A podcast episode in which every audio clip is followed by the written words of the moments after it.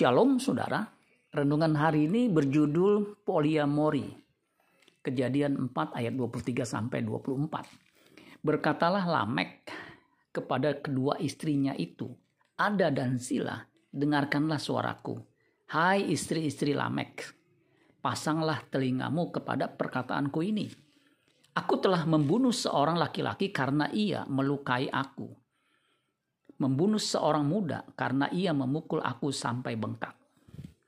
Sebab jika kain harus dibalaskan tujuh kali lipat, maka Lamek tujuh puluh tujuh kali lipat. Lamek adalah pelaku poligami pertama yang dicatat di Alkitab.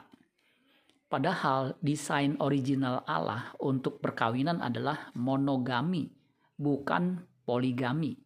Kejadian 2 ayat 24 dikatakan begini. Sebab itu seorang laki-laki akan meninggalkan ayahnya dan ibunya dan bersatu dengan istrinya sehingga keduanya menjadi satu daging. Sejak manusia jatuh dalam dosa, terus terjadi penyimpangan dalam konsep pernikahan. Yang tadinya monogami menjadi poligami, poliandri pernikahan sesama jenis, dan terus saja sampai sekarang.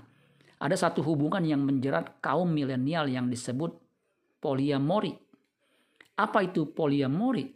Secara hurufiah, poliamori dapat dijelaskan sebagai berikut. Poli artinya many atau banyak.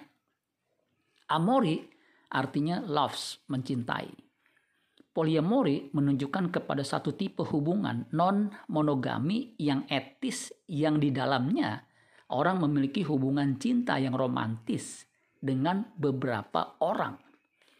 Jadi, poliamori adalah praktek dalam suatu hubungan cinta yang dibangun di antara paling sedikit tiga orang dengan diketahui dan disepakati oleh setiap orang yang terlibat. Konsep hubungan ini digambarkan sebagai hubungan non-monogami yang konsensual, etis, dan bertanggung jawab Jelas konsep poliamori adalah konsep yang bertentangan dengan prinsip awal. Karena sejak semula tidaklah demikian. Sejak semula bahkan sampai kapan pun pernikahan itu selamanya monogami antara laki-laki dan perempuan. Orang percaya jelas menolak dan mematahkan konsep poliamori ini karena tidak sesuai dengan kebenaran Alkitab. 2 Korintus 10 ayat 5. Kami mematahkan setiap siasat orang dan merubuhkan setiap kubu yang dibangun oleh keangkuhan manusia untuk menentang pengenalan akan Allah. Kami menawan segala pikiran dan menaklukkannya kepada Kristus. Amin buat firman Tuhan. Tuhan Yesus memberkati. Sola Gracia.